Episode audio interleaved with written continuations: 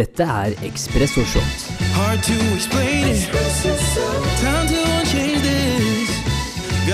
Åh, go. det er litt andpusten her. Det er jo ikke så rart, for nå har vi akkurat hatt eh, 15 burpees. Vi har jo eh, over en lengre tid nå prøvd å bli eh, flinkere på visse ting. Det er jo å ha mer snappy innhold. eh, klare å holde oss til en, eh, til en rød tråd. eh, men også ha litt mer energi. For det var et par episoder i begynnelsen hvor jeg hadde covid, men det hørtes altså ut som jeg hadde fått covid. Men eh, velkommen til eh, og Shot. Som alltid så sitter jeg her med Nico. Vi er litt andpustne, men vi gleder oss til å bryte ned intervju 84 med Arnulf Refsnes i dag. Det er andre gangen han har vært på podcasten. En veldig klok mann som har levd et liv. Og eh, i dag så skal vi prate om litt forskjellige ting, men før jeg kommer til det Nico, hyggelig å ha deg her. Det er alltid hyggelig å være her med deg, Henrik. Ja, Etter at jeg hørte litt børepiss, så begynner jeg å snakke litt dialekt. ja. Det er gøy. Du har, eh, jeg vet ikke hva slags dialekt det var engang, men eh, Blanding av litt sånn australsk og bergensk og noe sånt. ja, ikke gjør det igjen. Det, var, eh, det vil jeg fraråde deg fra å gjøre. Nei da, nå bare stryker jeg de burpeesene neste gang. Ja, kjør på. Men eh, apropos fysisk aktivitet, det er viktig, så gjerne hvis du hører på denne episoden, så eh, gjerne ta deg en gåtur. Det er veldig godt for både kropp og sinn. Sånn, det var dagens eh, sponsorspalte ute. Eh, men i dag så skal vi som sagt bryte ned intervjuet med Arnulf Refsnes, episode 84. Og vi skal snakke om forskjellige ting, men noe av det vi skal touche innom i dag, er hvorfor gjør man vanskelige ting? Brannslukningsmodus, altså hvordan bruker man tida si? Hvordan gjør man det som er mest viktig nå, og ting som ikke er like viktig? Hvordan rett og slett prioritere hverdagen? Viktigheten av personlig nettverk, og bygge relasjoner på tvers av bransjer. Og så skal vi selvfølgelig innom ekkokammer, politisk korrekthet, Eh, altså at du selv er i kontroll av hva du tenker, føler og gjør.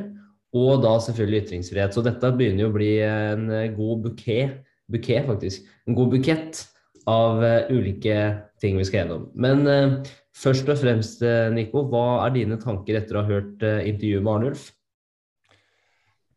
Mye tanker. Eh, Dere snakket jo om et bredt spekter av temaer, så det var jo interessant å høre på, som alltid. Jeg tar med meg mye fra den samtalen. Du nevnte jo en del her akkurat om brannslukningsmodus, som er alltid veldig interessant. Hvordan man prioriterer hva man gjør, og ikke bli stuck i en sånn en brannslukningsmodus som man snakker om, som betyr eh, rett og slett at man eh, flyr fra en side til en annen side bare for å liksom få ting gjort, og egentlig ikke eh, røre på seg i det hele tatt. I hvert fall ikke mot målene man har. Så det er vel kanskje den ene som jeg tok med meg skikkelig. Eh, og så var det en annen når dere snakket om em, Dere snakket om når det er litt kaos rundt i livet, at det skjer ting som man ikke har forventet, om det er krig eller om det er um, covid eller hva det er for noe, så er man i kontroll selv. Og, og det snakket jo Arnulf om, hvordan han er ganske rolig. Uh, og at um, man kan liksom ta kontroll over følelsene og tankene. Og du bestemmer til slutt hvordan du skal liksom deale med uh, realiteten. Så det er jo kanskje de to tingene som jeg tok med meg først og fremst. Men det var mye, mye godt i episoden. Ja, det var, eh, det var ganske interessant, og, for min del også så var det eller det som traff meg veldig bra, var da han begynte å snakke om og Det har vi prata om mange ganger på podkasten, men det er noe med å høre hans eksempel på det òg, hvor han sa um, at jeg er veldig god til å vinne, men jeg er også en veldig god taper. Um, og det er sånne ting som jeg føler kanskje vi bør endre litt på hvordan vi ser på det å tape, da. Men at det er mer viktig uh, hva man lærer, og at man faktisk er på en reise og man blir bedre på det man gjør. Og eh, Javad Mushtak, som også har vært på podkasten flere ganger før, han sa, sier også det her som er så bra. og det er at sånn i samfunnet generelt også, så må vi bli flinkere til å hylle de som prøver. Og bli flinkere til å ta med oss takeaways fra det de lærer av det. eh, Sånn at vi kan bli enda flinkere til å, å lykkes alle sammen da, og få til det vi skal. Um, og Arnulf nevnte også et eksempel fra han var yngre, når han seilte som 13-åring. Um, så var det jo først og fremst en glede av bare å seile i seg selv. Ikke? Han hadde en veldig stor lidenskap for det og fått mye energi og, og glede i det. Men så begynte han å snakke om at jeg så jo at jeg aldri var først. Jeg var alltid bakerst. Jeg kom alltid bak de andre. Men når jeg kom i mål, så var jeg like fornøyd. For jeg hadde det gøy, og så ble jeg flinkere til å tenke over hva kan jeg gjøre annerledes, hva kan jeg gjøre bedre. Men at man også er fornøyd over hva man lærer da, underveis, og ikke sammenligner seg selv med andre. Um, og det, det traff meg skikkelig også, da. Ja, det er en fantastisk holdning. Altså, jeg lurer på om det er uh, naturlig, eller om det er uh, trent opp, og om det er trenbart. Jeg, jeg tror selvfølgelig sterkt på at det er trenbart, og så tror jeg mye av det kommer liksom naturlig. At man må liksom jobbe med det man har. Men det å komme sist inn, som man snakket om da, på den lille Det var ikke noe regatta, men det var vel en Liten seilbåt, tenker jeg. Ja, det var en liten seilbåt der. Han var helt sist og seilte aleine, som han snakket om da hadde jeg nok følt meg ganske bitter da jeg kom inn og følte meg litt sånn skikkelig dårlig. Mm. Og det å bare komme inn og være glad og føle at jeg, jeg hadde det gøy jeg, liksom, jeg, jeg, jeg, lærte og jeg gjorde det så godt jeg kunne, og det er en fin holdning, da. Uten tvil. Tror, tror, tror, du det er mulig å, å trene opp? Tror du det er naturlig? Hva tenker du? Altså, det var jo det jeg spurte Arnulf om også. Altså, slags, hva slags råd eller hva slags ting er det du kan gi eh, eller dele med andre, da, som gjør at de kan bli flinkere på det her. Eh, så sleit han egentlig litt med å finne svar. Så jeg, jeg, tror mye av det kommer naturlig for han. Eh, mm. At han er veldig analytisk i hvordan han jobber, og han ønsker faktisk å forbedre seg selv. Og, og sant, hva er alternativet, da? Hva skal du ikke prøve, da? Og Det er også noe som er ganske interessant, sånn sammen med når han også snakker om å, å starte business. da hvorfor vi gjør vanskelige ting som krever noe mer av oss, så, så tror jeg mye som, som, som, sikkert hjelper, at han har hatt gode forbilder eh, gjennom oppveksten som er mye flinkere til å Og dette er det vi har om, mye flinkere til å belønne deg for innsatsen du legger inn, framfor resultatet du får. da. Og Det er det som er utfordringa gjennom en oppvekst, at vi blir målt i resultat hele tiden. Men ikke mm. hvordan vi forbedrer oss og utvikler oss. Um, så, men jeg tror liksom at mye kan bli gjort ved å faktisk snakke mer om innsats. Da, at du må jobbe hardt for å få til ting. Uh, og, og, på en måte hylle det istedenfor. Bygge, gode, eh, bygge en god arbeidsmoral, da, gode rutiner. Og, og, og, snakke mer om hva som faktisk kreves for å bli bedre i ting. Framfor å bare snakke om resultatet, for sånn er ikke det for, for 90 av, av folk når du ser de beste fotballspillerne i verden. De som presterer på topp. Altså de er en promille av hvordan det egentlig er. Da. Og da tror jeg det er viktigere å heller snakke om at du må nyte reisen, og du må faktisk finne noe du er genuint opptatt av. Men også noe som du kan gå gjennom litt vanskelige ting med, fordi at du eh, er såpass bevisst da, på den reisen du er på. Ja, vi er jo trent opp til å, å sette opp mål og, og, og, ha drømmer og stake ut en kurs.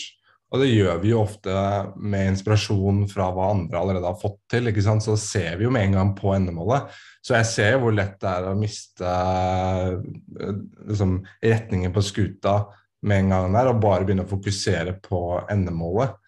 Eh, og så er jo kunsten, da, som du sier, å, fokusere på innsatsen og reisen, som igjen høres ut som den verste klisjeen, men, men, det er jo alltid noe sant da, i de klisjeene. Så Men det er jo det er ikke alt så lett, da. Nei. Det er kjempevanskelig. Og, men grunnen til at jeg ville snakke med Arnold Fosse, er for at han eh, For noen år tilbake også så starta jo han eh, noe som het Brødboksen i Norge.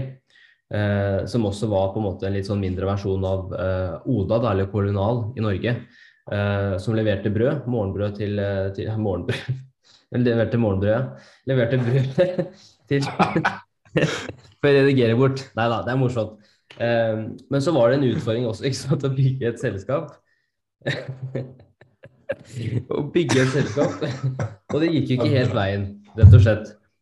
Men han er jo også et eksempel på det å fortsette å prøve. Det er derfor jeg syns han er et bra forbilde på så mange måter. Fordi at han viser til folk at du må fortsette å prøve.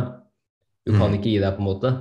Og det er utrolig mye han har lært gjennom den reisen med, med brødboksen, som han har da tatt med seg videre inn i det nye selskapet med Nordic, ikke sant. Uh, så ja, jeg så du ble satt ut av den, av den kommentaren. jeg vet ikke hva du snakker om, jeg. Nei. Um, nei, men altså, det, det, var jo fantastisk å høre hvordan han reagerte. og Han snakket jo liksom, Han hadde jo ikke noe frykt når, vi snakket, når han snakket om å starte noe nytt og prøve noe nytt og starte sin egen business, liksom. Uh, og det er jo, vil jeg si, ganske unikt. Det er ikke så ofte man hører den. Ofte så hører man jo historien om hvor redd jeg var, hvor skummelt det var, hvor usikkert det var, hvor mye arbeid som var bak det. Liksom. Men han hadde en helt annen mindset på, på hele pakken der, hvor han bare tenkte Nei, altså, hvorfor ikke? Jeg må bare prøve. Ja. Jeg er helt Det er jo helt rått. Og så er det jo det, Selvfølgelig det er mye som er personlighet, Mhm. men så er det jo også litt i forhold til Altså, hvis man ønsker å få et litt bedre liv, da, altså sånn enn det som bare forventes av deg, på en måte hvor du bare går til en 8-4-jobb og du bare henter en, en, en lønnsslipp, da, og så lever du for helgene, så på en måte da må man ta litt risiko. Uh, for det er noe med den, i hvert fall for min del, som, som jeg kjenner mye på, som gir meg mye mestring, er også det å føle at man gjør noe som kreves litt ekstra av deg. Eh, men at man også da får på en måte anerkjennelse på en eller annen måte underveis. At det er noe av det du gjør som gir mening. Og, og f.eks. med podcasten så kan det være at eh, vi får tilbakemeldinger på at folk hører episoden og de får mye glede ut av det. Da, det er jo kjempegøy eh, og kjempegivende. Men så er det også fordi at sant, det kommer fra et sted hvor man genuint er opptatt og interessert i å lære av andre mennesker. Og jeg er glad i mennesker, jeg er glad i å høre historier til mennesker. Eh, og da gjør det den prosessen mye lettere, ikke sant. Eh, så det tok meg veldig lang tid før jeg skjønte at det her er noe som jeg faktisk ønsker å bruke tid og energi på. Eh, men når jeg først skjønte det, så er det sånn Selvfølgelig man ser på tallene man skulle ønske at podkasten var verdens største podkast. Men det som kanskje har vært viktigere for meg, er liksom så lenge du får energi og glede etter at du har hatt intervjuer, så er det et tegn på at du gjør noe som føles riktig, da. Eh, Så jeg tror veldig mye av det her, med det å satse og tørre, og sant, hvorfor man gjør vanskelige ting, tror jeg også henger sammen med at man faktisk har en genuin nysgjerrighet for det man gjør, da, og en interesse for det. Da er jo spørsmålet hvor er det man finner den interessen? Mm. Det er uh, interessant. Du snakker jo litt her om uh, hva han snakket om i forhold til det her med brannslukningsmodus. Um, og at man liksom du, Mange av oss har jo en fulltidsjobb, og så har vi kanskje eller en deltidsjobb eller mange andre ting, og så har man kanskje noen egne prosjekter på siden. Um, litt sånn som du har nå med podkasten, og du har bygd opp den over lang tid, og det begynner jo skikkelig å ta uh, fast, og det begynner jo å gro. Um, så, er det sånn spørsmål hvordan altså, Ja, så man ha den interessen. Og så er det sånn Ja, du har jo så mye ting som du må gjøre på daglig basis. Du, den, du må slokke alle disse brannene. Du må betale leie, du må betale for mat. Du må, du må, alt det du må gjøre, det som som, er en del av livet. Og så er det sånn Hvordan skal du få tid til å faktisk gjøre de tingene som du faktisk har lyst til å gjøre? Um, og det å faktisk sette av tid og gjøre det selv om du kanskje ikke føler for det. Selv om du kanskje ikke har energi til å gjøre det. Men du kan jo kanskje snakke litt på hvorfor, um, hvordan det har vært for deg, og hvor liksom, vanskelig det faktisk er. Og om det er verdt det, da. Altså, det første spørsmålet er jo det, det, er det jeg alltid spør folk som er med. Hvordan får du hverdagen til å gå opp? For jeg prøver å finne, prøver å finne svar på det selv, så det helt ærlige svaret er jeg veit ikke. Det er på en måte det, det første svaret der. er Det er noe som er vanskelig, for jeg ønsker, å, jeg ønsker å føle at jeg strekker til på alle områder. Men så skjønner man at det går ikke, da. Um, og det første steget, den første samtalen man må ha med seg selv, er uh, Det handler ikke om å ikke ha tid, men det handler om prioritering. ikke sant? Og når du først begynner å prioritere, så må du også kunne rettferdiggjøre de valgene du tar. Du må kunne stå for de valgene du tar. Og det er selvfølgelig for andres del, for å vise at du faktisk er en omtenksom person. Det er ikke bare en som bare viser fingeren til alle og skal bare ha det du skal ha selv hele tiden. Men det er også for din egen del. Fordi at til syvende og sist er det du som må legge deg med deg selv om natta. Og hvis samvittigheten tar knekken på deg, som den har gjort på meg ganske mange, ganske mange ganger, hvor jeg føler at jeg burde ha prioritert mer tid her, jeg burde ha gjort det, jeg burde ha gjort A, B og C. Og, og du har jo også sant, de gangene hvor f.eks. vi har måttet flytte podkasten, eller vi har måttet flytte i at jeg er, jeg er litt på skinka og sånn. Så, så akkurat som du sier, også, det går jo mer utover meg enn det gjør, går utover deg. Ikke sant? Og det er litt den som jeg har måttet jobbe med, er å forstå at du kan ikke være på alle områder, alle arenaer. Eh, Du må kunne rettferdiggjøre de valgene du tar, du må stå for de valgene. Eh, Og det er selvfølgelig for andres del, sånn at du kan kommunisere effektivt. Men også for din egen del, sånn at du kan på en måte ha det godt med deg sjøl.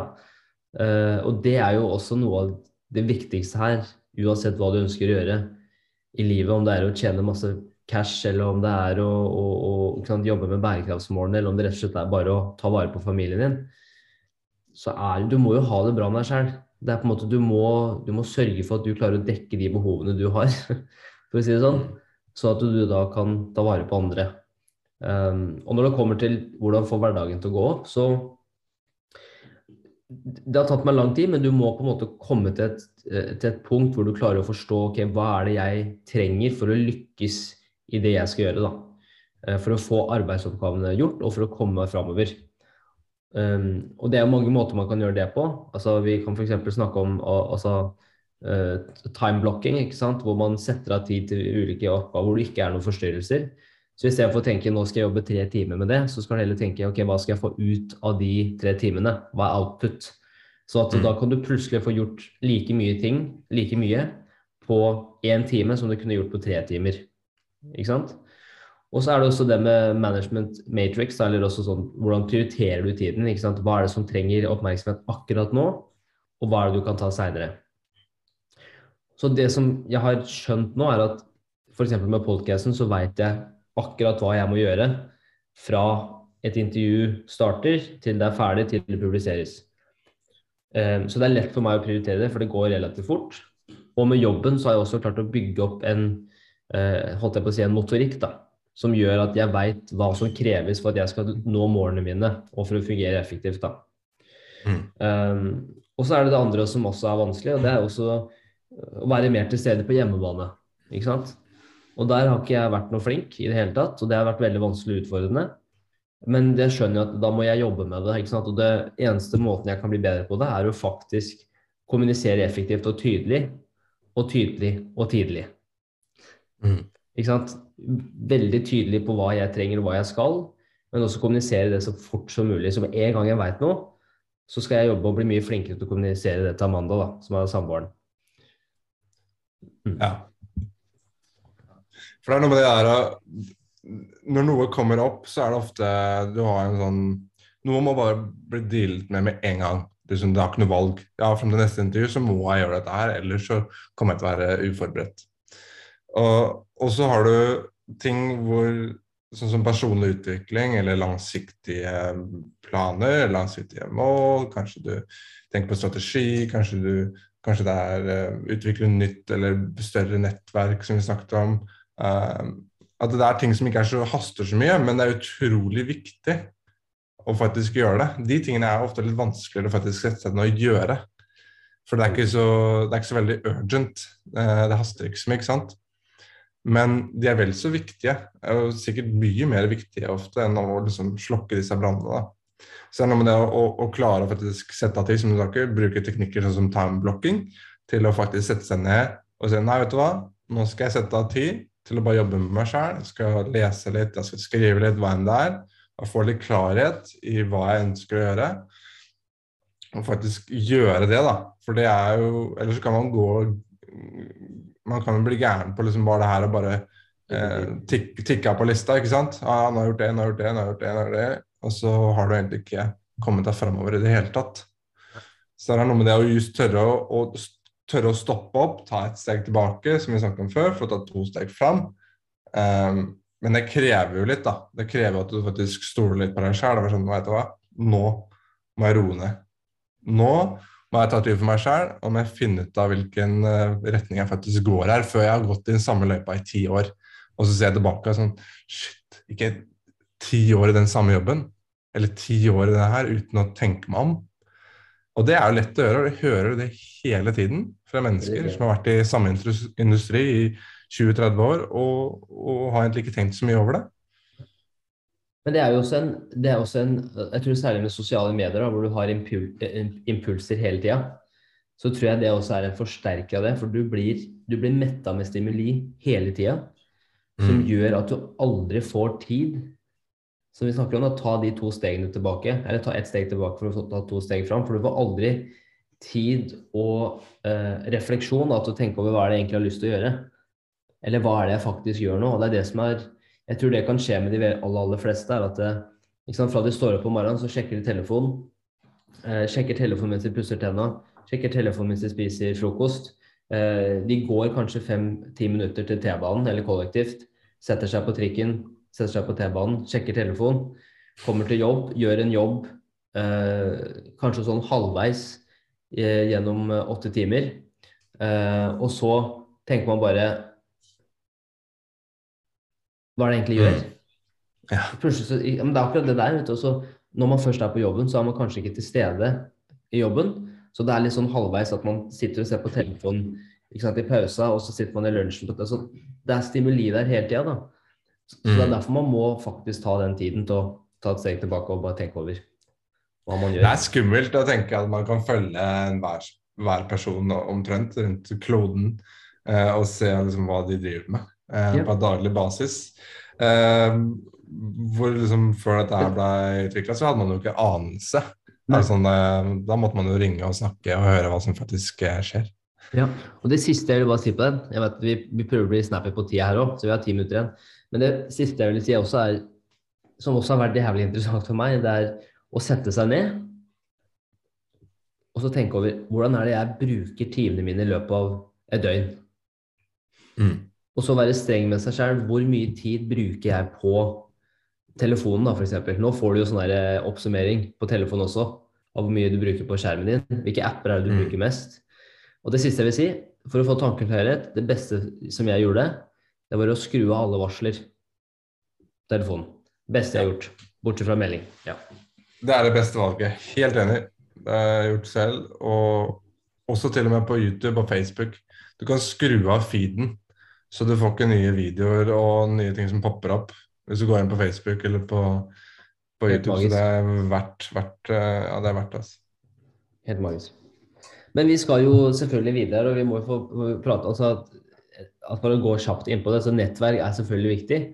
Og det er også en av de tingene som også har vært veldig sånn undervurdert for meg når jeg starta podkasten, er at jeg har ikke tenkt så mye på nettverksdelen av det i begynnelsen, men så skjønner jeg nå mer og mer at man får en utrolig eh, mulighet til å kunne eh, komme i kontakt med mennesker man ser opp til. Eh, så hvis du har noen spørsmål innenfor det området, så kan du faktisk nå ut til dem. Eh, så det er også noe som er viktig, det er å pleie, pleie relasjoner som kommer fra en genuin, genuin nysgjerrighet, da. ikke bare sånn 'jeg er venn med deg fordi at jeg trenger noe'. så Mm. ja. Ja, det er veldig sant. Jeg føler at du har hatt den mentaliteten lenge, siden jeg møtte deg på BI. Mm. Ja. Um, Det- men jeg- ja. Nei, eh, sorry. Nei, jeg skulle bare si at jeg, jeg har egentlig ikke forstått helt viktigheten av den før eh, kanskje de siste årene. Hvor jeg virkelig har forstått liksom, hvor viktig det faktisk er. da. Ja. For jeg har hatt liksom, konflikter i hodet mitt om at eh, herregud, du kan bare gjøre det på egen hånd. og det, det Der lærer du som på veien. Er ikke så, trenger, Nettverk er ikke så viktig. liksom. Jeg følte at det var litt hypa opp. Uh, men så har jeg egentlig bare innsett at nei, det, sånn var det ikke. Det er faktisk viktig. Mm. Um, I hvert fall hvis du har litt ambisiøse mål, og du prøver å komme deg fram og du er eh, interessert i å bli bedre. Så tror jeg det er kjempeviktig. så er det ikke trenge å gjøre alle feilene selv. Altså, det er mange Mm. som har vært på reisen før deg, som, som sikkert har gjort mange feil som du kan også lære. ikke sant? Altså, Én ting er jo å, å snakke med folk, og du snakker om suksessen deres og snakker om hva de har fått til. Eh, men det som kanskje er mer interessant, er å høre ok, hvordan har du takla motgang. Hva gjorde du når dette skjedde? Eh, ikke sant? Og høre mer om hvor de kanskje har feila, i anførselstegn. Det er jo egentlig mer interessant, sånn at du kan bli mer bevisst over de valgene, sånn at ikke du gjør samme feil da, også. Og det er det som er fint. Man skal jo selvfølgelig dra ut mye positivt fra sosiale medier òg. Det er jo det at man kan jo se hvordan eh, de som man ser opp til, faktisk lever livet sitt. Yes. Um, og så kan man lære fra dem. Og det er jo nok uh, eksempler, eksempler av de som er suksessrike allerede, som har feila, uh, og som fortsetter å feile selv om de allerede har suksess. Og det er jo kult å se, syns jeg. Um, så, sånn som Bertrand uh, f.eks. kommer ut med uh, boka si 'Mental Rehab' etter at han hadde en liten sånn uh, Han falt jo litt tilbake på disse smertestillende og ble avhengig av de. Og at han faktisk tør å åpne seg og snakke om det det gir jo et innblikk på at oi, kanskje ikke det er alt liksom, kanskje ikke alt går på roser, og kanskje ikke alt er rosenrødt hele tiden. Um, selv om det kanskje ser sånn ut fra utsiden. Så det er godt å se liksom kontrastene, da. Og det, det kunne man jo kanskje ikke før. Bortsett fra når man leser bøker, og bøker er også kjempefint. Eller podkaster, eh, Ja. hvor, hvor man faktisk får et innblikk i hvordan folk lever livene sine. Helt enig. Det siste som jeg tror vi burde, burde snakke om der òg, er liksom at når svakheter kan bli din styrke, da. Altså sånn, det er jævla klisjé å si det, da. Men sånn når du kan bruke det til å, å, å skape konkurransefortrinn. Altså, det var en episode um, tidligere også med, med Snorre Klandrud hvor vi egentlig snakka om det med selvironi. ikke sant? Det ikke ta seg selv så høytidelig. Og det henger veldig sammen med det òg, at man, man faktisk tør å snakke om de tingene man er eh, dårligere i, eller de tingene man sliter med. Eh, for veldig ofte så kan det også være en del av det som gjør deg unik, da, som igjen gjør at du kan skille deg ut. Også. Men det siste her, da. Nå har vi fem minutter igjen. Nå føler jeg vi har vært flinke på struktur i dag. Det er faen ikke dårlig. Det er jaggu-. Ja, vi klarer jo å snakke i åtte timer hvis vi vil. Eh, men det siste da er jo selvfølgelig, som også Arnulf snakka om, og, og på en måte altså kommentarfeltet på sosiale medier. Altså ekkokammer, politisk korrekthet, eh, ytringsfrihet. Eh, og det er også baksida med ytringsfrihet, at da kommer du til å ha veldig mange forskjellige folk som kan ytre seg. Men jeg tror også det er en viktig del for å ha et bra samfunn. da. For å ha eh, et, et land som man bor i, hvor man kan faktisk snakke åpent om det som er vanskelig og utfordrende. Um, så Arnulf nevnte jo det, sant, at uh, kommentarfeltet på sosiale medier Hva gjorde de før sosiale medier? Jo, de snakka sikkert skit på den lokale kafeen. Uh, på en eller annen måte. Mens nå så ser man de jo i hvert eneste kommentarfelt. altså uh, Du trenger ikke å grave langt før du ser Dagbladet eller D, D, uh, DN eller uh, VG deler noe som uh, Og det er jo bare clickbait òg, det er en annen ting at de ønsker oppmerksomhet og får folk til å lese innholdet deres. Um, så handler det jo ikke om å ha rett lenger, det er ganske tydelig på disse største nyhetsstedene. Men det handler om å være først. Og så handler det om å få flest til å trykke på artiklene. Så de veit jo også å eh, eh, på en måte fyre bålet, da, for å si det sånn. Det er, det er varmt og godt. Ja, det er mye ukvalifiserte meninger der, som eh, får litt for mye oppmerksomhet. Ja. Men det er jo en del av, eh, en del av det å ha ytringsfrihet òg, at da må man også kunne ha rom til å være uenig, da. Og det er jo også ganske vanskelig, eh, virker det som i dag, da. Ja, det er en sånn blanding mellom eh, ytringsfrihet når det kommer til sosiale medier, om at du kan si hva du vil nesten, men nå, også samtidig så må du være veldig forsiktig. Eh, det er, jeg syns det blir et problem altså når man må være så veldig sensitiv til alt. At om ikke man kan tåle folk med forskjellige meninger, og folk som kanskje så lenge det, altså det er jo selvfølgelig en grense, men vi trenger ikke å sette den grensa liksom på minimum. Eh, For det ødelegger jo så mye av den menneskeligheten vi faktisk har. Og vi mennesker gjør feil, og vi gjør riktig. Vi, gjør liksom, vi, er jo, vi er jo ikke perfekte i det hele tatt. Så vi må få lov til å ha diskusjoner åpne uten at folk blir fornærma, føler jeg, da. Det er min personlige mening. Um, og så må man heller tørre å Og så blir, blir man litt tøffere av det også. Mm. At man kan liksom ha diskusjoner som man ikke er enig i. Um, Ja. At man får en befleisen her og der, det, det tror jeg bare er fint, altså. Man tåler liksom. Selvfølgelig. Det går en grense der. Man kan ikke gå over til liksom Jeg snakker, jeg snakker ikke om å liksom være ras- rasistisk eh, og sånne ting. Det vil man. man det er liksom, der går grensa. Men å ha en, altså ha en sunn diskusjon, og man har fulle, åpne meninger, det tror jeg er essensielt. Ja. Og det er jo, altså, du ser jo mer og mer altså, i forhold til ekkokamera òg. Altså, hvis du, kaller det liksom, confirmation bias, da, eller bekreftelsestendens, eller eh, bias, som man sier, at du på en måte eh, at, ja, du klarer på en måte å finne hvis du, hvis du ønsker å finne svar på noe, så finner du som regel det svaret du ønsker å få når du søker på Google. Så, så trykker du på de artiklene som resonnerer mest, og så ser du ja, det var det jeg sa. Her har du en artikkel som viser akkurat det jeg sa. Og så Du finner det det leter etter. finner det du leter etter? Som, som støtter opp det du sier. da. Um, så, men, men det som kanskje er den viktigste takeaway nå, er sånn Altså, livet er kanskje 10% hva som skjer deg, og så har du 90% hvordan du reagerer. Og jeg tror det blir mer og mer viktig framover, da, at man, man tenker mer over ok, det denne personen sier, er det sant? Sant? Er jeg enig, og hvorfor er jeg ikke enig? Og veldig ofte så har du en annen erfaring av det den personen nettopp sier, som gjør at du har et annet syn. Og det går helt fint. Problemet er at de aller, aller fleste stopper jo ikke der. Da kommer de tilbake og sier ja, men 'Hvorfor er du uenig? Det sårer følelsene mine. Det gir ikke mening.' Ikke sant? Spør jeg, men jeg opplever det sånn. Ja, men hvorfor det?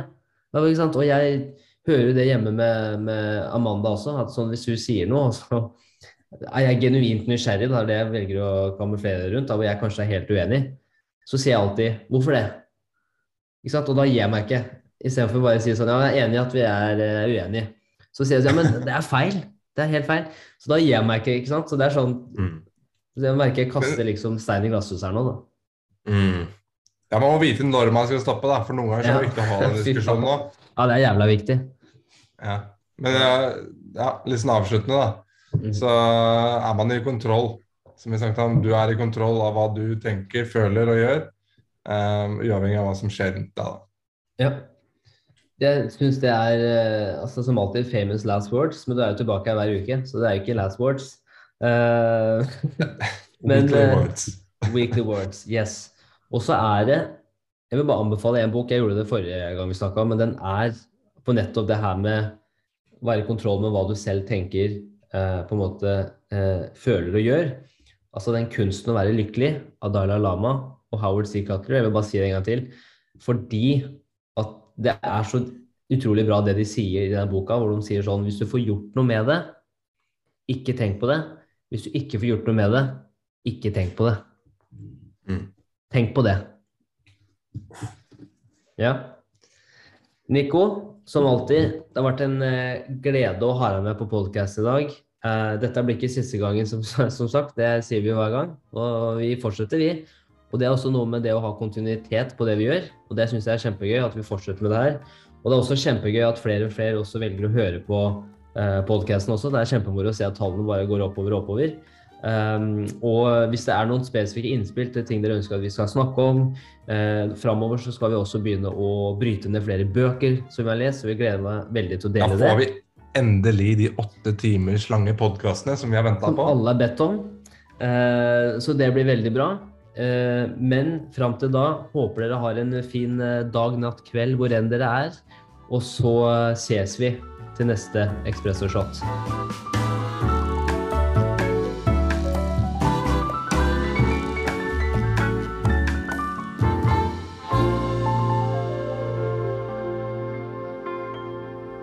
Dette er Espresso Shot.